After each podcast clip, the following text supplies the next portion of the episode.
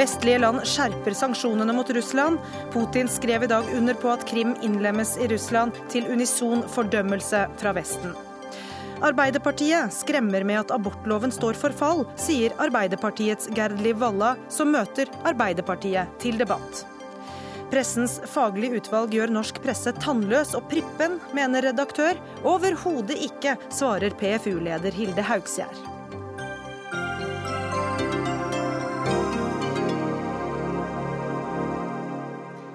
Ettermiddag. Jeg heter Gry Blekastad Almås og kan også by på sterke reaksjoner fra Finnmark på at regjeringen fratar dem privilegier der oppe i nord.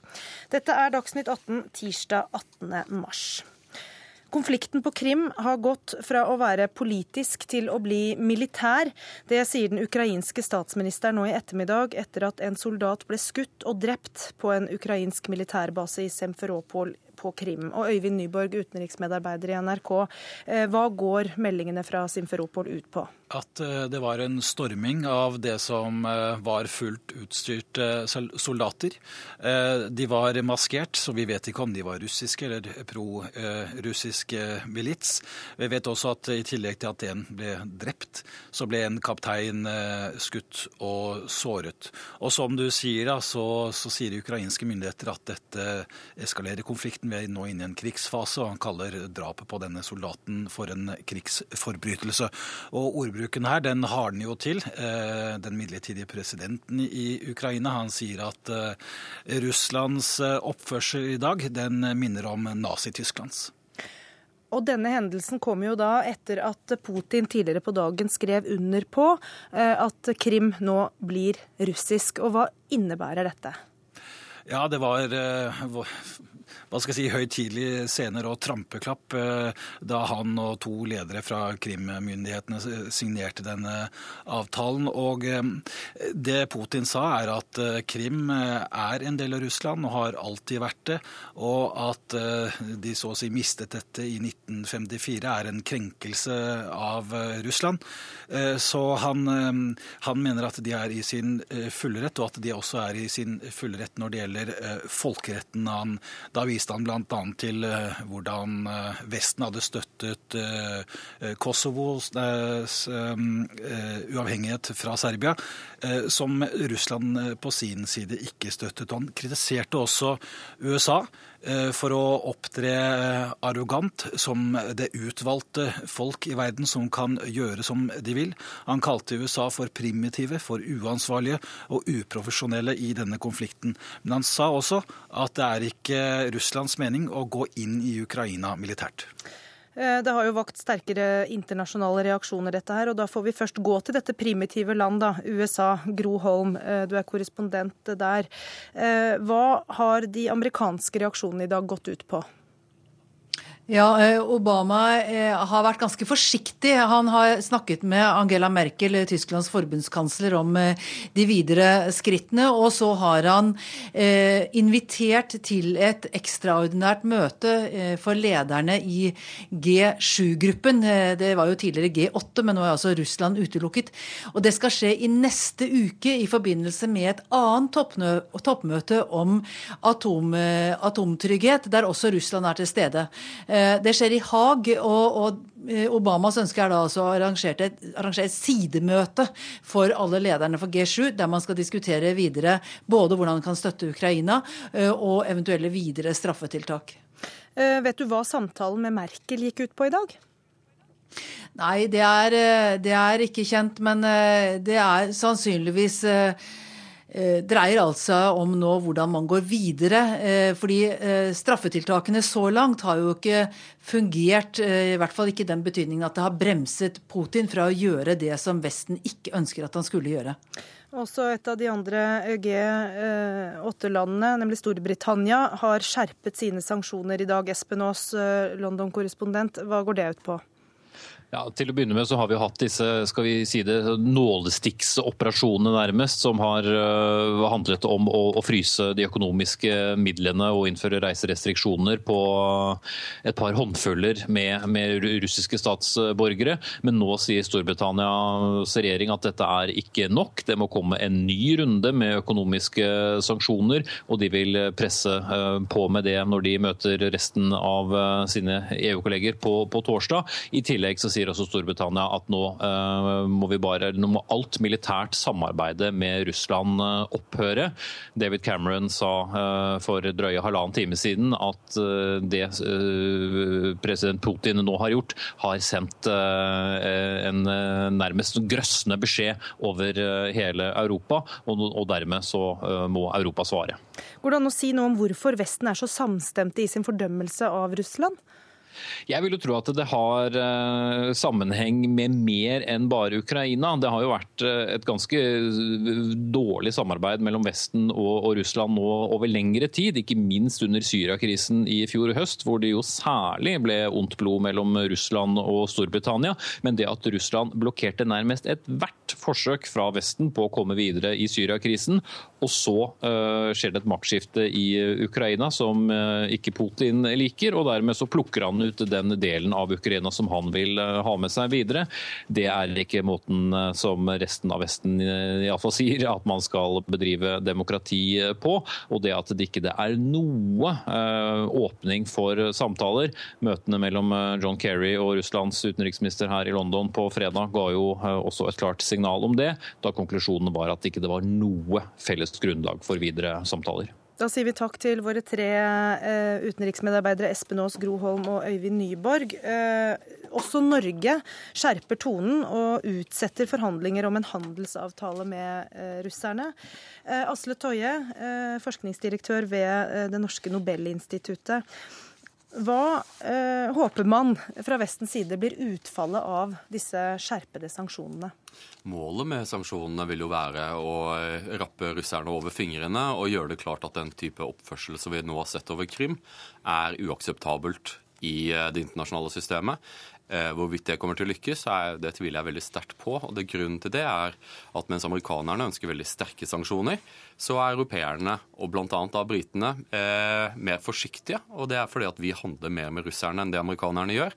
Det er lett å kreve tunge sanksjoner når det ikke rammer deg selv, mens for mange europeere så vil de gjøre det. og Derfor så kommer disse sanksjonene for det meste til å bli tannløse, vil jeg tro. Men hvis man ikke tror det har noen virkning, eh, hvorfor gjør man det da? Symbolpolitikk. Man ønsker å sende et signal eh, til sine egne borgere og til russerne om at vi tar dette på alvor.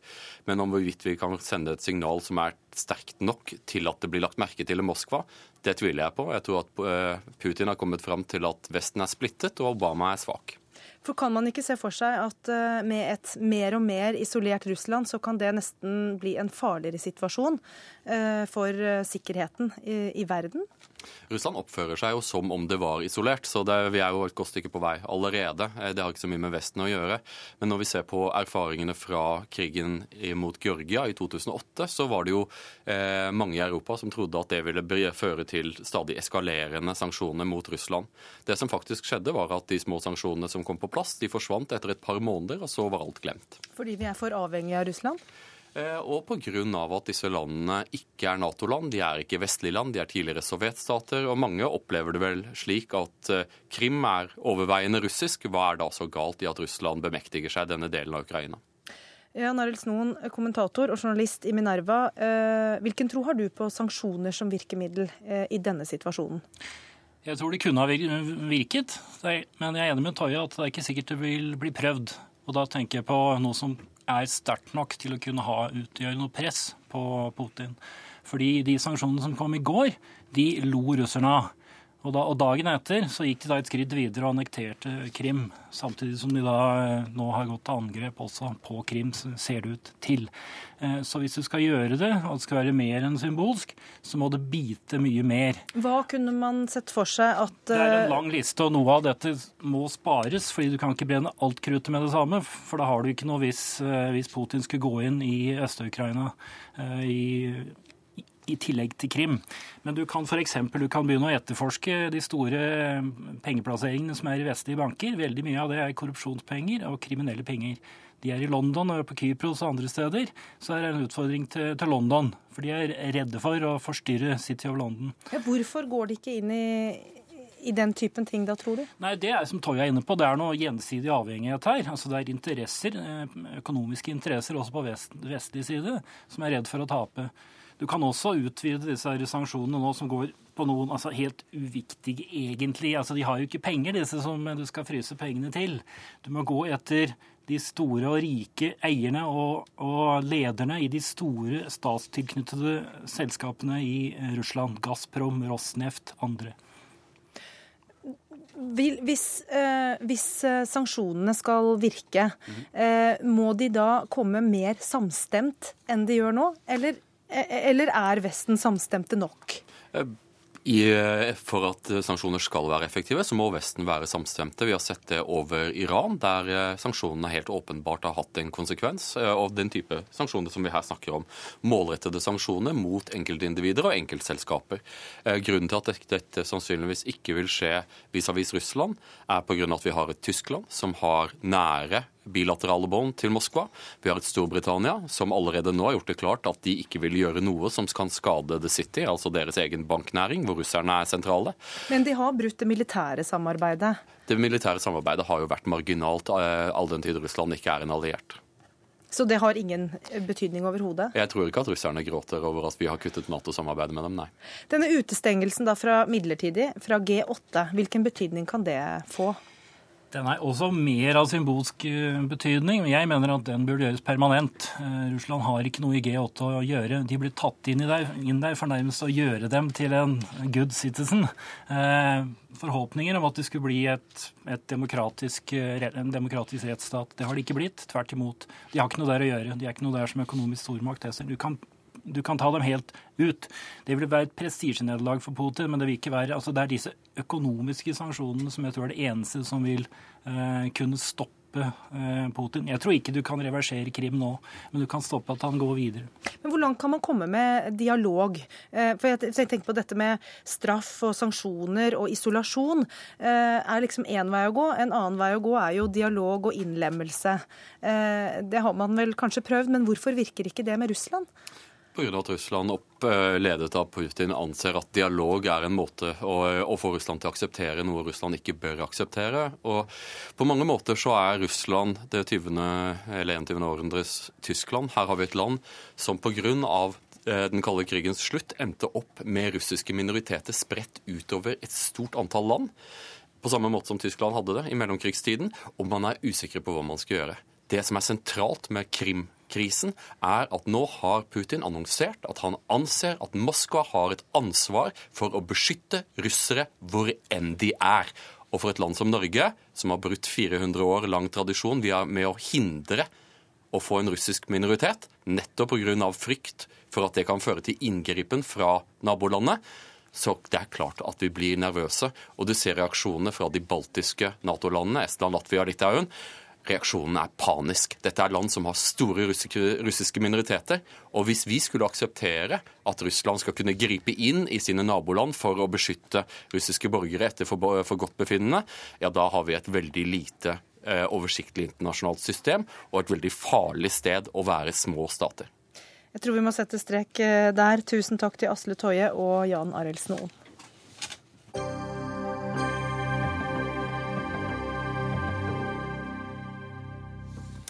Legers mulighet til å reservere seg mot å henvise til abort har eh, engasjert mange. Og over 10 000 personer gikk i 8. mars-tog eh, i Oslo, hvor hovedparolen var 'forsvar abortloven, nei til reservasjonsrett'. Gerd Liv Valla, eh, tidligere LO-leder og statsråd for Arbeiderpartiet. I kronikker i både Aftenposten og Klassekampen i dag så skriver du at Ditt eget Arbeiderparti eh, skremmer med at abortloven står for fall. Hvordan skremmer Arbeiderpartiet? Eh, eh, når de sier at abortloven uthules og gir et inntrykk av at dette er veldig alvorlig, så mener jeg at det er litt skremsels... Det er litt å skremme. Abortloven har en massiv støtte i det norske folk og på Stortinget. Det er et lite parti, Kristelig Folkeparti, som alltid har vært imot abortloven. Eh, og de er de eneste i dag. Så eh, jeg mener at abortloven står veldig trygt. Men, og det er jeg glad for. Hvordan er det du mener at Arbeiderpartiet bruker dette da, i denne reservasjonsdebatten? Ja, for det første så syns jeg jo at Arbeiderpartiet eh, burde Altså, hva gjorde de i sin egen regjeringsperiode? Eh, vi vet at eh, disse reservasjonene har vært praktisert veldig uryddig.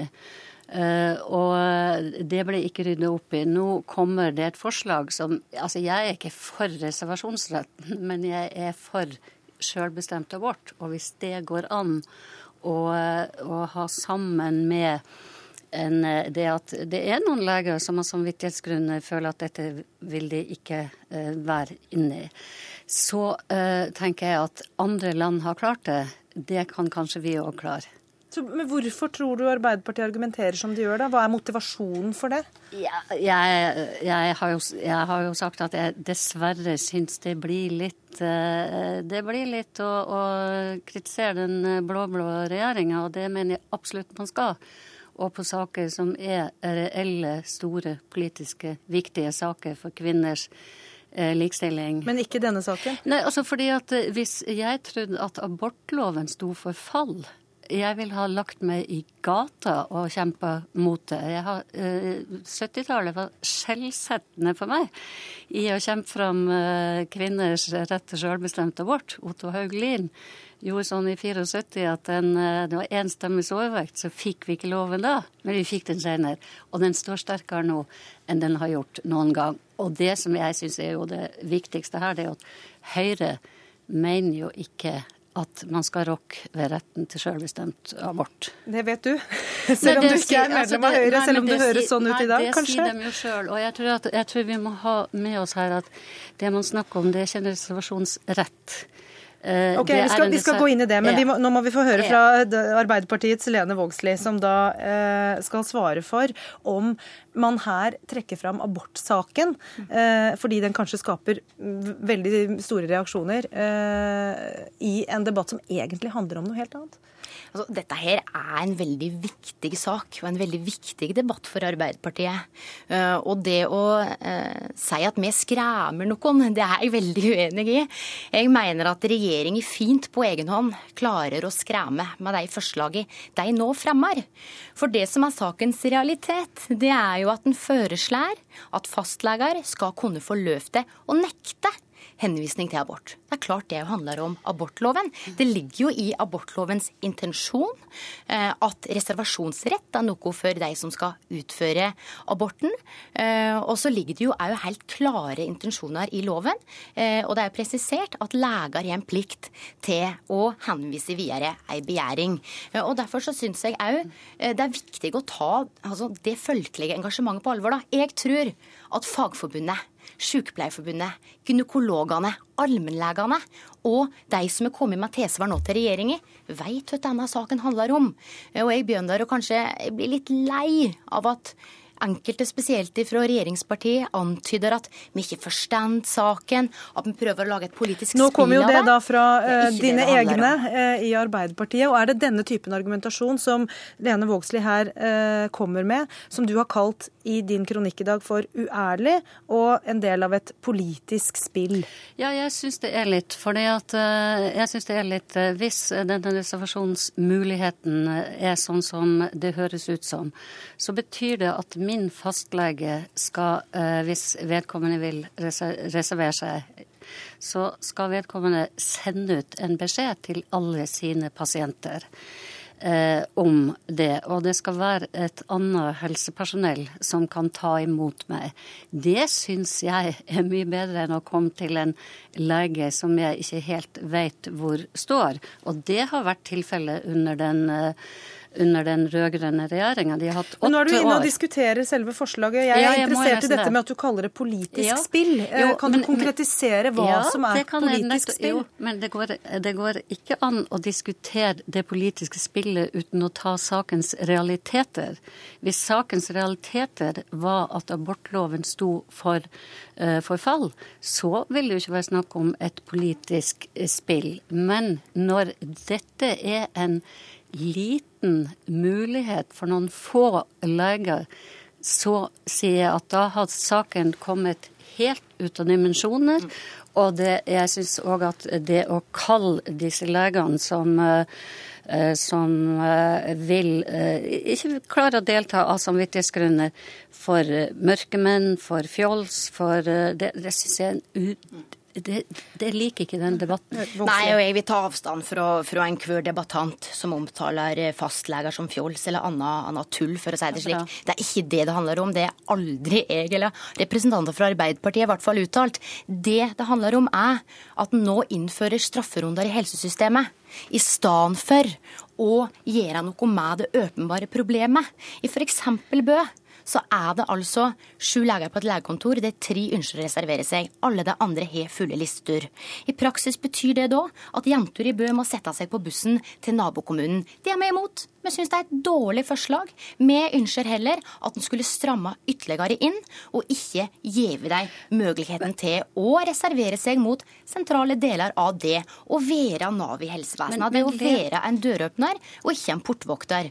Og det reagerer folk på. Derfor så vi tusenvis i tog 8. mars. Eh, og det er kanskje det tydeligste høringssvaret regjeringen kan få på saken. Ja, har 10 000 mennesker eh, vært blinde Nei, synes, for dette politiske det spillet, da? Jeg syns det er flott at folk eh, går i, i 8. mars-tog. Jeg gikk sjøl i et veldig stort 8. mars-tog i Stavanger, og jeg har gått i 8. mars-tog i alle år. Eh, jeg syns det var helt utrolig bra. Men, jeg, Så jeg klandrer overhodet ikke det.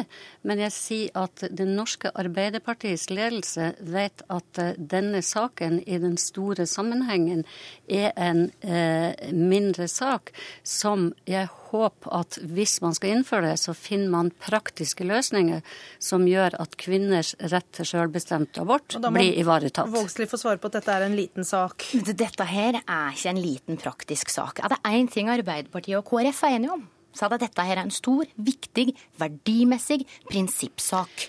Eh, og jeg syns det er eh, synd at eh, Gerli Walla har den innfallsvinkelen til problemstillingen, spesielt når hun eh, som Gro Nylander og veldig mange andre, før jeg ble født, eh, gikk i viktige tog for viktige retter. Og, vi vet, og Gerdli Valla burde vite Men det har hun jo sagt, og ja, den kampen den står hun for i dag også. Tidligere, tidligere dommer i menneskerettsdomstolen i Haag, Hanne Sofie Greve, sa forleden at alle land som har selvbestemt abort, klarer å Eh, ivareta hensynet til begge parter. Og jeg er helt klar på at det er hensynet til kvinner som skal komme først, men man må ikke overdimensjonere eh, den debatten. Det er andre viktige saker som blir litt borte. Det ble siste ord. Det var du som starta dette interne Arbeiderpartioppgjøret, og du fikk også siste ord. Takk skal dere ha, begge to. Dagsnytt 18 alle hverdager kl 18.00 på NRK P2 og NRK2.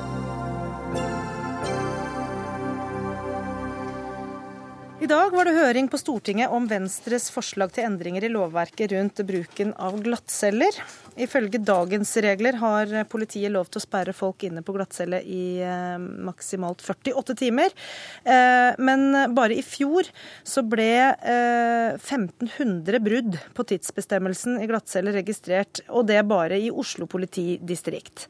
Glattcellene er rom med kun en madrass og et åpent toalett, og Norge har flere ganger blitt kritisert for overdreven bruk av disse cellene, bl.a. av Den europeiske torturkomiteen og FNs torturkomité. Og Sveinung Rotevatn, som er stortingsrepresentant for Venstre, hva eh, går disse lovendringene dere foreslår ut på?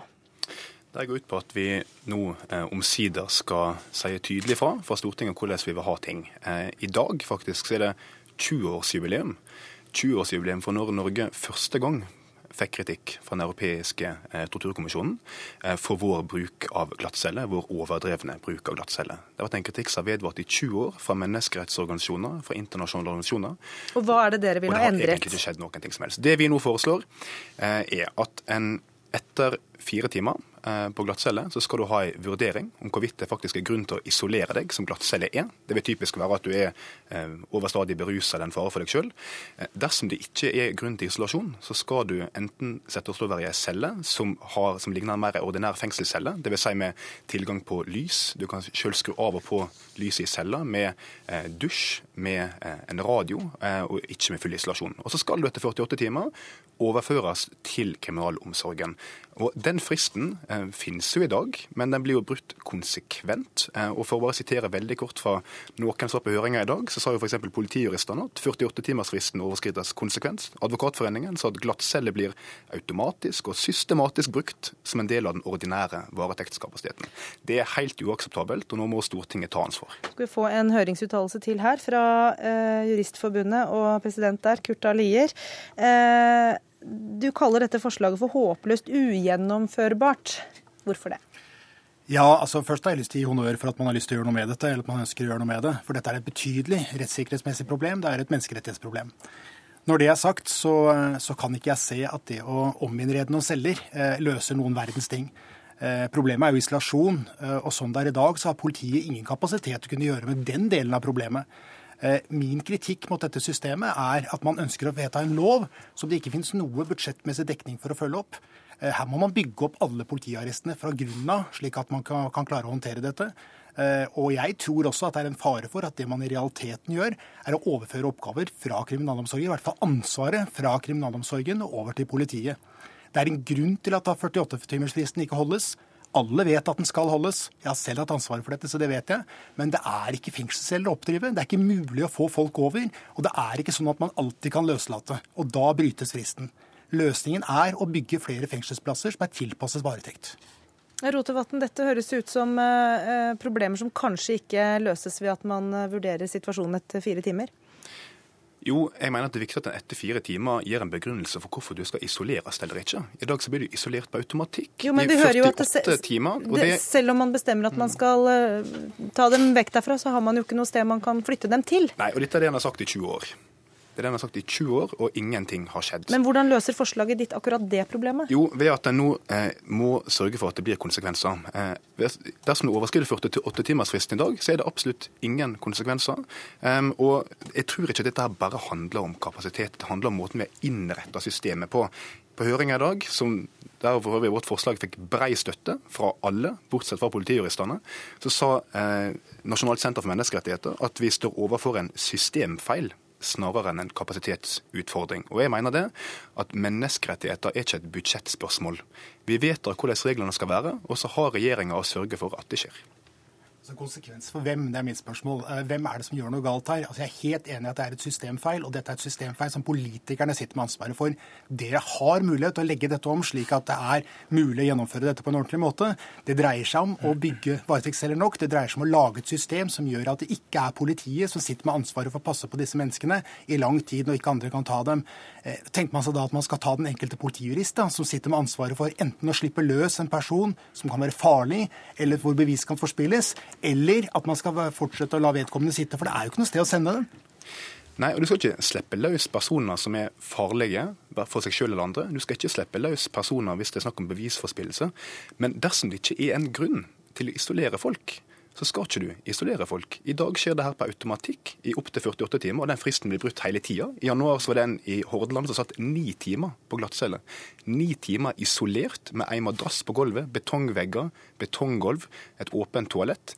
Det er ikke akseptabelt. Og da må Stortinget på et eller annet tidspunkt sette foten ned. Og jeg syns at den våren her, i grunnlovsåret 2014, er et fint tidspunkt for at Stortinget kan gjøre det. Og så hører vi at det kan komme til å koste litt penger hvis ditt forslag skal uh, gjennomføres. Og Vidar Brein eh, Karlsen, du er statssekretær i Justisdepartementet for Fremskrittspartiet. Og hva tenker du at er uh, Skal jeg omformulere det spørsmålet? Hva tror du er mulig å få til på de budsjettene du sitter med ansvaret for? Nei, Det budsjettet som som gjelder for 2014, der har vi fått på plass 88 nye fengselsplasser. Det er løsninga på problemet som skisseres fra Venstre. Å skaffe flere fengselsplasser det må, er et arbeid som må, som må fortsette. Og så litt til det Sveinung Rotevatn var inne på i forhold til menneskerettighetsbrudd. Altså ved den 48-timersfristen som vi har nå, når den brytes, ja, så, så blir vi kritisert pga. brudd på menneskerettigheter. Men den firetimersfristen som foreslås nå, den har ingenting med det å gjøre. Og Det er rett og slett en urealistisk eh, måte å, å båndlegge politiet sine ressurser på, i tillegg til at eh, kriminalomsorgen får det, får det fryktelig vanskelig, og mye vanskeligere enn det de allerede har. Ja, hvordan, hvordan, vil du løse denne problemstillingen? Vi bygger plasser, vi bygger fengselsplasser. Da vil det bli mye mer kapasitet eh, til å overta etter de 48 timene man skal kan sitte på. Og Når, på når har man så mange nye fengselsceller klare at man kan ta imot de si 1500 bruddene som var i fjor? da? Nei, Den situasjonen vil bli bedre etter hvert som det kommer opp flere, flere nye celler. Det er jo ikke sånn at man setter og planlegger de her bruddene. Det kommer når vi har en kapasitetsutnyttelse i, i, eh, i de vanlige fengslene på 98% Da er det vanskelig å oppdrive, oppdrive den uh, varetektscelle. Men det blir bedre etter hvert som vi får opp de, de nye plassene. Og så vil jeg uh, utfordre Rotevatn på også. altså Hvis han mener at vi bare skal uh, løslate folk etter fire timer, det er snakk om de som eventuelt blir pågrepet for alvorlig kriminalitet. Skal vi slippe de løs istedenfor? Det tror jeg ikke Venstre heller ønsker. Du må svare på det, Rotevatn. Du skal ikke slippe folk løs dersom det er en fare for gjentagelse. Du skal ikke slippe dem løs dersom det er en fare for andre, eller dersom bevis kan gå til spille. Men dersom det ikke er en fare for noe av det, så kan ikke du la folk sitte døgn etter døgn isolert bare fordi at en ikke eh, har et bedre svar. Men hvis det er fare for det, og man ikke har noen fengselsceller ledig å flytte Nei, dem for, til? Ja, Da foreslår vi at eh, for det første at en på politihuset rundt omkring skal ha celler som er likere fengselsceller, dvs. Si med eh, et hakk mer humanitet, human behandling av mennesker, dvs. Si med, med dusj, med lys, eh, som en regulerer sjøl. Det må være utgangspunktet etter fire timer dersom du ikke skal isoleres. Og etter 48 timer så må du flyttes over i kriminalomsorgen. Og jeg syns det er litt spesielt å si at det er måte, urealistisk at en rettsstat etter fire timer skal kunne gi en begrunnelse for hvorfor de setter deg i fullstendig isolasjon. Ja, hvorfor er det urealistisk, Brein Karlsen? Nei, For det første så er det i startfasen av etterforskning hos politiet så må, trenger de tid til å finne ut om en person skal, skal holdes, eller, eh, og om det, de har grunn til, til mistanken som er for å holde en person. Fire timer, da er vedkommende så vidt kommet seg inn, og så må man planlegge overflyttinga. For det er jo fra en politiarrest og til en annen plass. Eventuelt da med de her utvida cellene. Men det vil jeg også advare litt mot. At, at man skal gjøre om cellene på, på, politihuset. For det kan igjen få politiet til å, å, slappe av i forhold til at det er OK at de sitter der. Og da ikke bli overført til varetekt. Men først skal vi bare høre Kurt A. Lier om det. Eh, er det en måte å løse dette på? Eh, først har jeg lyst til å si at det er ingen i Norge som settes i varetekt eller på glattcelle uten at de tre vilkårene som du beskrev i stad, altså enten bevisforspillelsesfare, unndragelsesfare eller gjentagelsesfare, altså hvis ikke de er oppfylt, blir ingen blir satt inn i det hele tatt. Og det gjøres det en automatisk vurdering av det øyeblikket de blir satt inn av en politijurist lenge før fire timer. Så, så, det kan man trøste seg med at det er ikke en problemstilling i det hele tatt. Og ja, det er, det er slik, altså Utfordringen ligger i at det hjelper ikke å bygge om fengselscellen. Det løser ingenting. Det man har gjort nødt til å gjøre, man gjør mye mer grunnleggende utfordringer. Juristforbundet støtter initiativet, men løsningen er veldig dårlig og kommer ikke til å løse noen ting. Det er mye skyts mot deg. Du, du sier at du fikk mye støtte i Stortinget i dag, men her var det ikke mye støtte å få?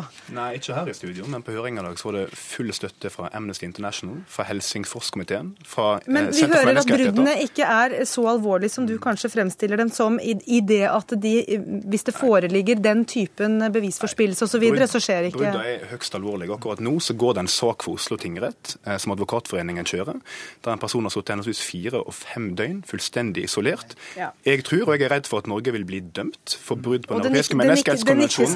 Men da er jo poenget at nå må vi begynne å handle snart. Ikke ja. det vi har gjort i 20 år. Og Da skal vi gi statssekretærene siste ordet. Vår tid er ute. Eh, men hvordan skal vi handle hvis ikke det er Rotevatn og Venstre som har funnet det riktige svaret her? Vi skal fortsette å bygge fengselsplasser. Og jeg vil utfordre Rotevatn til slutt. Altså, hvis man skal gjøre de her grepene, så må vi også ha penger. Det finner vi ikke i Venstre sitt budsjett.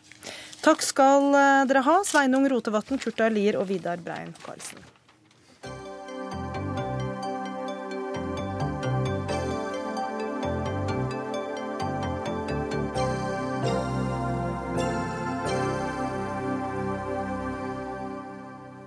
I dag melder en stor italiensk avis at eh, Arbeiderpartiets Jens Stoltenberg er favoritt til å overta vervet som eh, generalsekretær i Nato etter eh, dansken Anders Fogh Rasmussen når han går av til sommeren.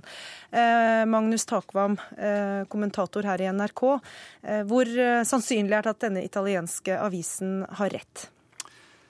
Det vi har fått eh, bekreftet i, etter at meldingen kom ut eh, her i Norge, er at eh, Stoltenberg er en aktuell kandidat. Og det blir også sagt at han da, slik situasjonen er i øyeblikket, har støtte av USA og Tyskland for sitt kandidatur.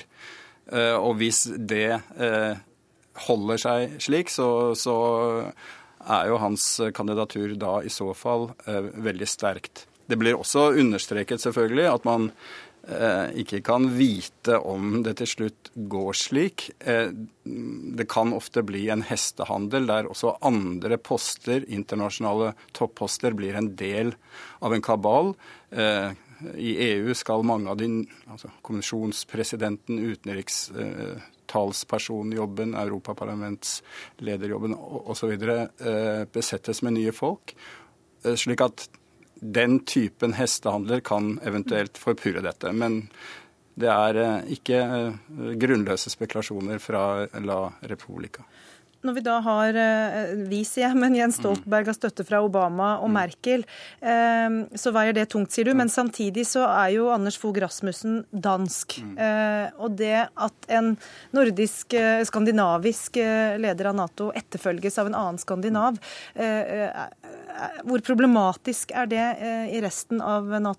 Mm. Nei, det, altså det er absolutt mange eh, eh, eksperter som, eh, som, kjenner Nato-systemet og Nato-landenes måte å tenke på godt, som er, som er, overrasket hvis det går den veien. Eh, fordi som du sier, så er det da i så fall eh, en Nato-generalsekretær fra to nordeuropeiske eh, små land i så fall. Og vi vet også at det er andre store nasjoner i Nato som er kandidater og vil ha eh, jobben. F.eks. Storbritannia, Italia, for så vidt Polen osv. Men som sagt så er eh, det hold i meldingene om at eh, Stoltenberg er en aktuell kandidat, og at han har USA og Tysklands støtte. Så Hva er det, det som gjør han til en god generalsekretær i Nato eventuelt? Nei, altså Det en del er overrasket over, er jo også at Stoltenberg for så vidt i sin politiske eh, praksis ikke først og fremst har vært opptatt av sikkerhetspolitikk når det gjelder utenrikspolitikk. Mm. Som alle vet, så er det klima, det er vaksineprogrammer og den typen eh, internasjonal eh, politikk han har vært opptatt av. Og han er ikke en typisk sikkerhetspolitiker. Men han må jo da ha eh, skal vi si, støtte fra Obama og Merkel, som jo etter hvert kjenner han rimelig godt som en eh, dyktig politisk leder. Og det er vel det de da eventuelt mener eh, Nato trenger eh, i øyeblikket. Så får vi se hvordan, selvfølgelig hvordan løpet går til slutt. Takk skal du ha, Magnus Takvam.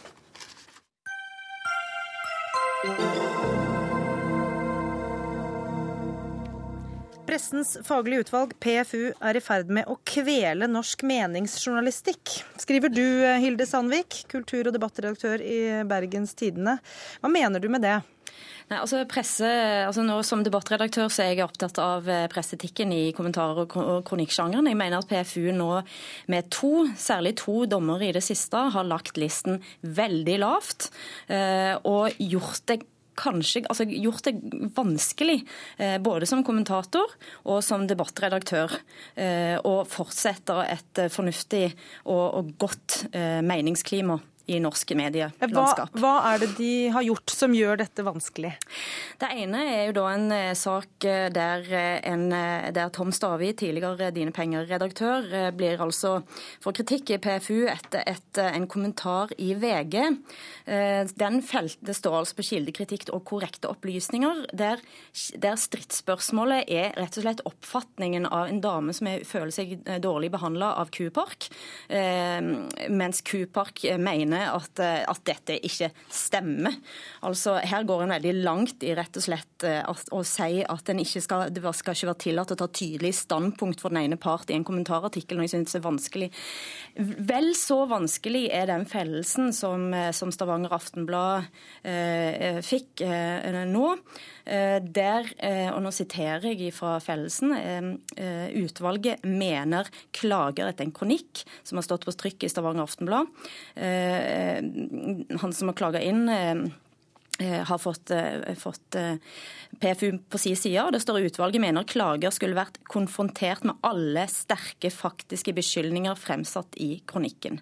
Ok, Da har vi to konkrete eksempler, Hilde Haugsgjerd. Det er du som er leder for PFU, og som da eh, har gjort disse fellelsene som eh, Hilde Sandvik her reagerer på. Hvorfor eh, legger dere lista så lavt for hva som er akseptabelt? Vi legger ikke lista lavt for hva som er akseptabelt i meningsjournalistikken. Eh, takhøyden er svært, svært stor eh, ifølge PFUs vurderinger og praksis når det gjelder innholdet i meninger, i karakteristikker, i hva slags ideologi, hva slags eh, holdninger som kommer fram i meningsjournalistikken. Men når det gjelder eh, kritiske, sterkt kritiske opplysninger, fakta mot enkeltpersoner, mot bedrifter av organisasjoner av ren faktisk karakter, så kan ikke de framstilles fritt, uavhengig om de er sanne eller ikke, og uavhengig om den rammede eh, organisasjonen, personen, har fått komme til orde og gi sin versjon av saken. Sandvik, er ikke det rimelig, at man skal ha kontroll over fakta? Ja, men altså, Det er jo nettopp her stridsspørsmålet står. fordi at eh, Hva er da den definisjonen? Altså, En vet jo at alle sterke diskusjoner så er nettopp kanskje kjernen er oppfatning av fakta. Ta nå den tidligere debatten nå i Dagsnytt 18 Gerd Liv Valla, eh, som mener Arbeiderpartiet driver med skremselspropaganda. En ganske sterk beskyldning, eh, der Arbeiderpartiet svarer at det gjør vi aldeles ikke. Når jeg leser disse to kjennelsene fra PFU, så tenker jeg som debattredaktør går dette inn inn under det som blir sett på som sterk eh, faktisk beskyldning? Ja, får vi spørre Hilde Haugsgjerd, da, for uh, Gerd Livalla skrev jo kronikker om dette i dag. Og hun skrev det i Aftenposten, den avisen jeg har vært redaktør i og hatt ansvar for debatten. Det er definitivt innafor. For det første fordi at det er jo en karakteristikk. Det er ikke et faktisk forhold. Det er hennes vurdering og hennes opplevelse og mening av hvordan Arbeiderpartiet håndterer denne saken. Og for det andre er det innafor svært vante politiske aktører, hvor debatten løper fra dag til dag, og hvor det ofte går en kule varmt.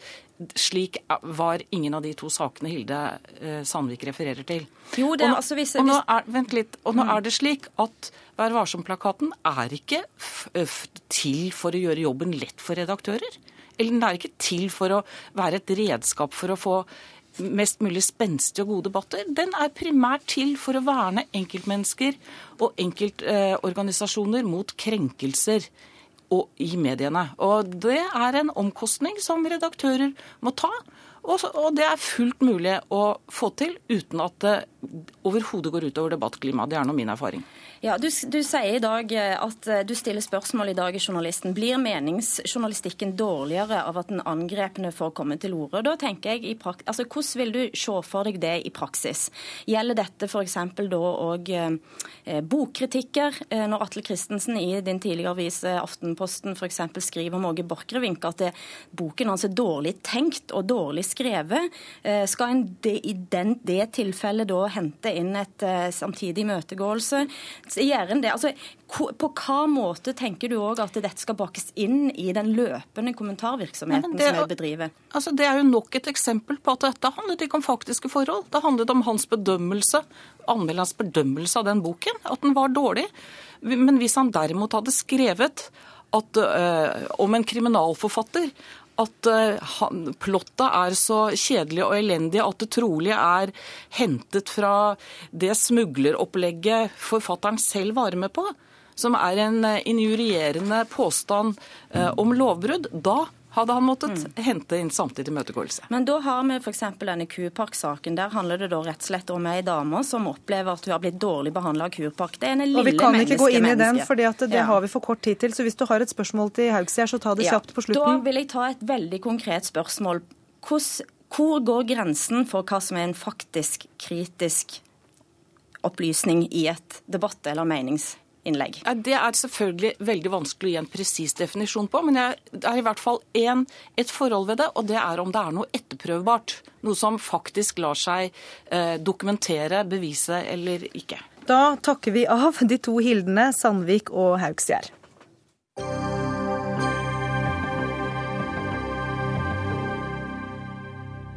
Og inn kommer eh, samferdselsminister eh, Ketil Solvik-Olsen, som eh, kunne komme med den gledelige melding om at uh, nye E18 i Vestfold åpner fire måneder tidligere enn uh, planlagt. Det betyr at den er klar før ferien, og det er det sikkert mange som er takknemlige for. Hvordan har du fått til det? Vi har jo sett at uh, mange i lang tid har sagt at veien kan bli ferdig tidligere hvis en ønsker det. Og så har vi òg sett at det har vært mye små ulykker, noen av store alvorlige ulykker der, òg med dødsfall. Og Da ønsker jo vi å se på pga. trafikksikkerhet og framkommelighet i ferien hva som var mulig. Vi innkalte entreprenørene og Statens vegvesen lokalt. Hadde et møte og så at her er det fortsatt mulig, selv om vi nærmer oss høsten når han skal stå ferdig uansett, så er det likevel mulig å faktisk halvere restbyggetiden. Og Du sa til Politisk kvarter på morgenen i dag at uh, dette var en ny måte å tenke veiutbygging på. Uh, hva er nytt ved altså, at man framskynder en prosess? Nei, det handler om hele måten vi tenker på. Det at vi faktisk ser at her kan vi tror vi sparer betydelig med samfunnskostnader gjennom de ulykkene som skjer, og som sannsynligvis ville skjedd i løpet av fellesferien. Så de ekstra kostnadene det kosta å få dette fortere ferdig, det mener at du sparer inn igjen på de ulykkene man unngår? Absolutt. Det er jo ikke noe som du ser i kroner og øre, men, men, eh, det er kostnader som samfunnet tar på ulike måter. Men det handler egentlig om hele måten vi tenker veibygging på. Det at vi nå er i gang med en reform for å få på plass et veiinvesteringsselskap for å se ting mer i helhet. Det at vi går inn der en har prosjekt som kan stå ferdig raskere eh, og få en samfunnsøkonomisk nytte, gjennomføre de. Så nå går det gjennom prosjekt for prosjekt? nå? Ja, det at vi òg går inn f.eks. på Strynefjellene, der du har eh, planlagt å pusse opp de tunnelene som er, for så i slutten av den samme nasjonale transportplanperioden begynne å bygge helt nye tunneler. Det er meningsløs bruk av penger. Da vil vi heller se om det er mulig å framskynde bygging av de nye, for å slippe å pusse opp gamle som bare skal stå sitte etterpå. Eirin Sund, velkommen. Du er første nestleder i transport- og kommunikasjonskomiteen på Stortinget for Arbeiderpartiet. og Hvor høylytt er din jubel for dette i dag? Du hva? Jeg er veldig glad jeg, for at uh, entreprenørene uh, har sagt at de vil jobbe døgnet rundt, og Statens vegvesen har sagt at det er mulig. Og samferdselsministeren har lagt pengene på bordet og sagt at uh, de 35 millionene skal dere få for å bli ferdig tre måneder før tida. Og det samfunnsregnskapet som samferdselsministeren viser til, er jeg òg helt enig i. Men det jeg nok reagerer på, er at dette på en måte blir framstilt som en ny måte å bygge vei på. Dette er noe som en holdt på å si, prosjekt har blitt tidligere òg åpna før. Ikke fordi at en, det var en ny måte å bygge vei på, men for at det faktisk både teknisk og, og praktisk var mulig. Så det er det jeg syns blir litt sånn å lure folk med å tro at her tar en noen grep som er spesielle. Eh, det tenker jeg at det ikke er. Og så er det litt sånn og så jeg har lyst til å si til statsråden at eh, hvis Jeg kan endelig snakke om snøen som falt i fjor, men hvis Fremskrittspartiet hadde bestemt, så hadde det altså ikke blitt noe E18 på denne strekningen i det hele tatt. Det er sant. Fremskrittspartiet var imot det, eh, og det måtte en fylkesordfører fra Arbeiderpartiet til for å få det til. Så kan eh, statsråden le, men det er òg et tilfelle i, i, denne sammenheng. Nei, Fremskrittspartiet har vært for denne veien, og vi har ment den skulle bygges tidligere. Det vi har vært uenig i, det er om vi skal bompengefinansiere den eller ikke. Vi har hatt en veldig klar holdning for Fremskrittspartiets side at en burde bruke litt av oljeformuen, investere i Norge framfor bare å spare i utlandet. Men, men, men som samferdselsminister i en regjering så har vi akseptert at handlingsregelen ligger fast. Vi får ikke tenke sånn, men allikevel innenfor det budsjettet vi har, så finner vi handlingsrom til å framskynde veiprosjekt som var kjent kunne framskyndes under de rød-grønne, men som de i to år lot være å gripe fatt i. Og det er der jeg òg mener at vi gjør noe som de rød-grønne kunne gjort. Men dere blir beskyldt for å lure folk ved å si at dette er en ny måte å bygge vei på?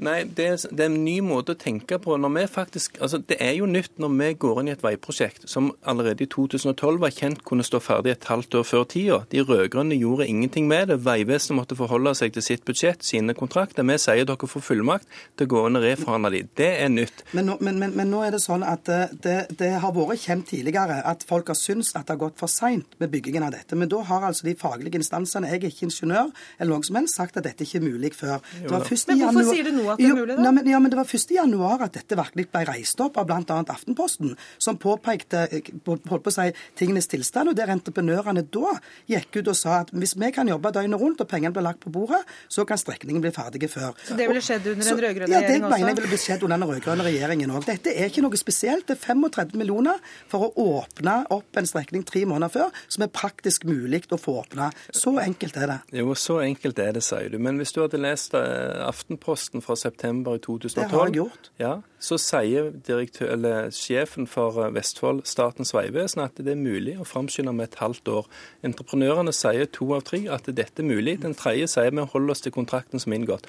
Sånn at denne informasjonen fantes for to år siden. Leste dere ikke Aftenposten? Bård Jo, jeg har lest, jeg har lest alle, alt det som står i Aftenposten, og det er helt rett at det framkom på et tidspunkt at det var mulig å framskynde muligens noe et halvt år. Men da var det òg andre tekniske ting som jeg kanskje skal gå inn på her, som gjorde at det kanskje ikke var mulig. Mitt poeng er at eh, dette ble synliggjort i januar, og pengene er lagt på bordet nå. Det er ikke noen spesielle måte som dere gjør dette på, enn det som har blitt gjort tidligere. Dette ble synliggjort for nesten to år siden. Bård Hoksrud om, eh, intervjuet i den avisen sier at dette må en gripe fatt i. Dere brukte ikke sjansen. Og det at, det at Når det er åtte måneder igjen, så klarer vi allikevel å halvere resttida.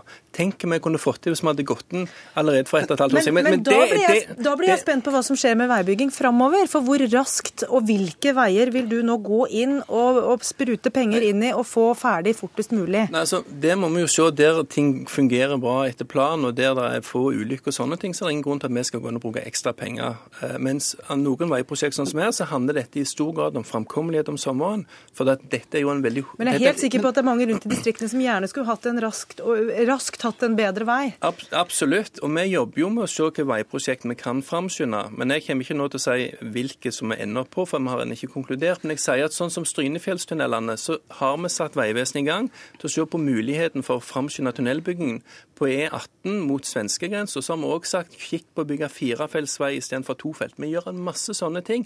Og så kan vi godt diskutere Vestfold. Altså Faktum er en visste at potensialet lå der i 2012.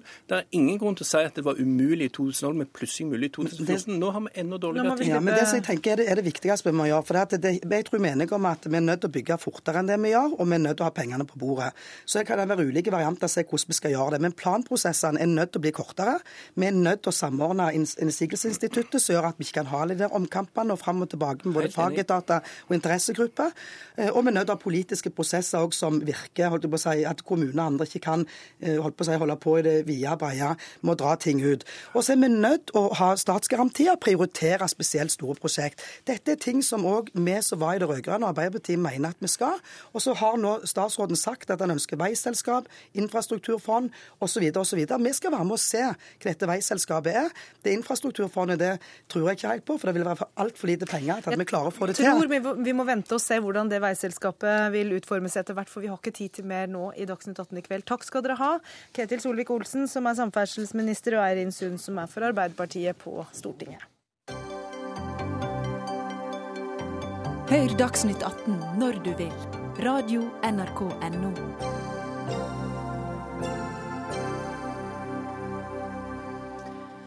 Nå har finnmarkingene fått nok, etter at den ene goden etter den andre fjernes fra fylket. Regjeringen har fjernet ordningen med høyere barnetrygd, kuttet i regionaltilskuddet til fylkeskommunen og redusert overføringer til flere distriktskommuner.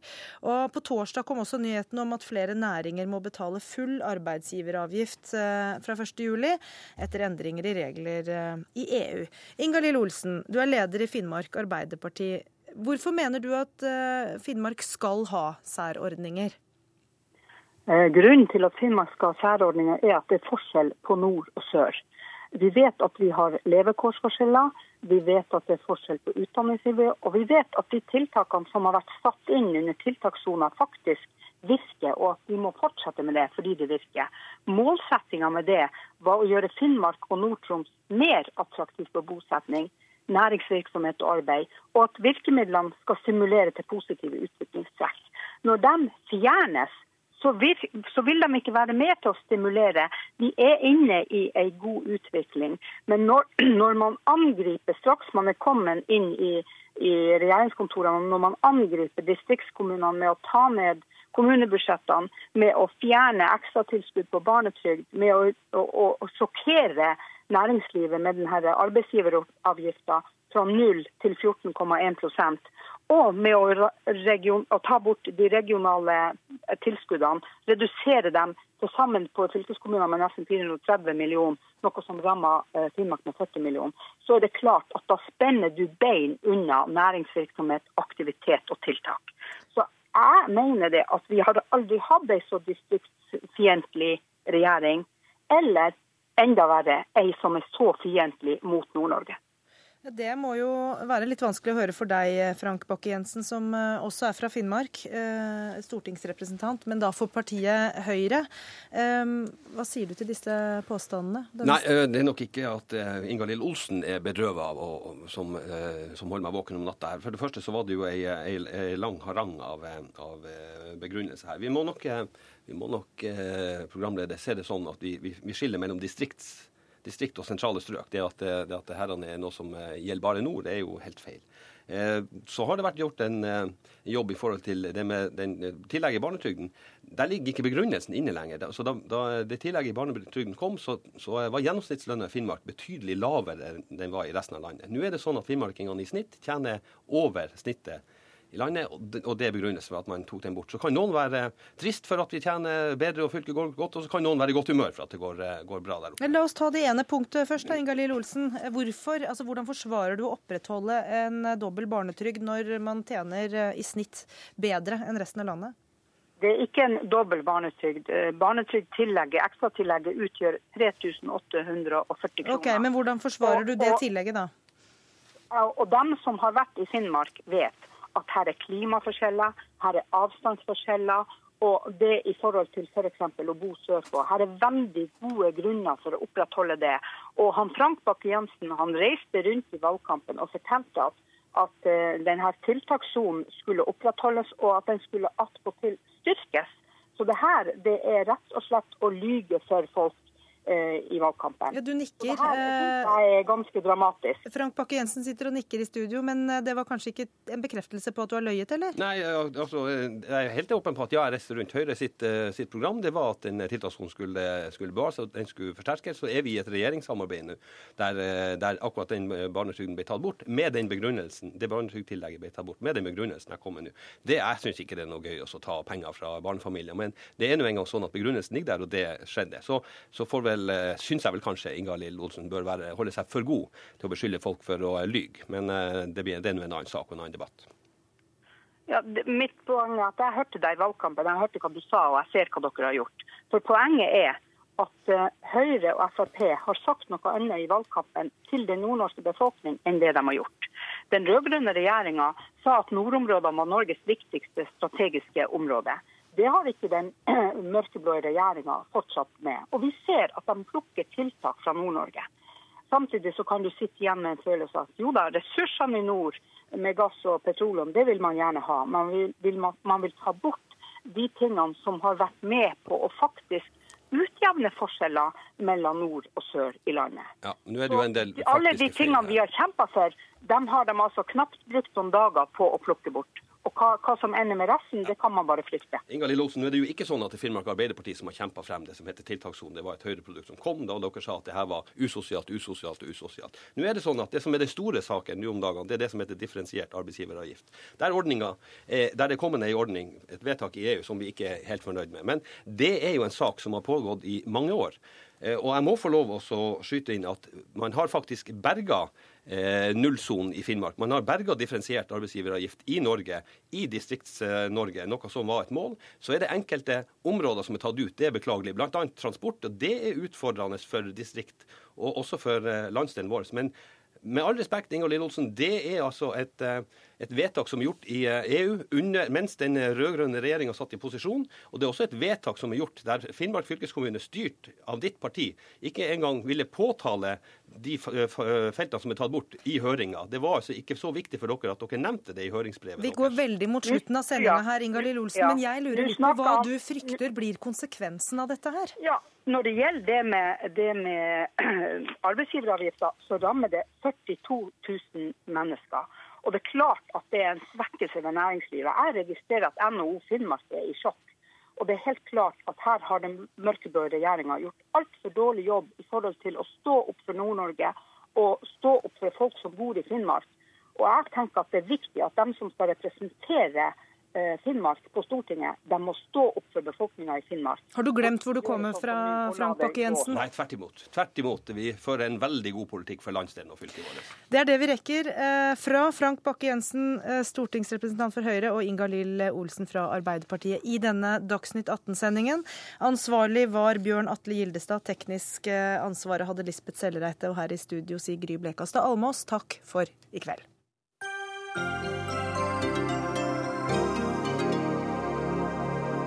Hør flere podkaster på nrk.no podkast.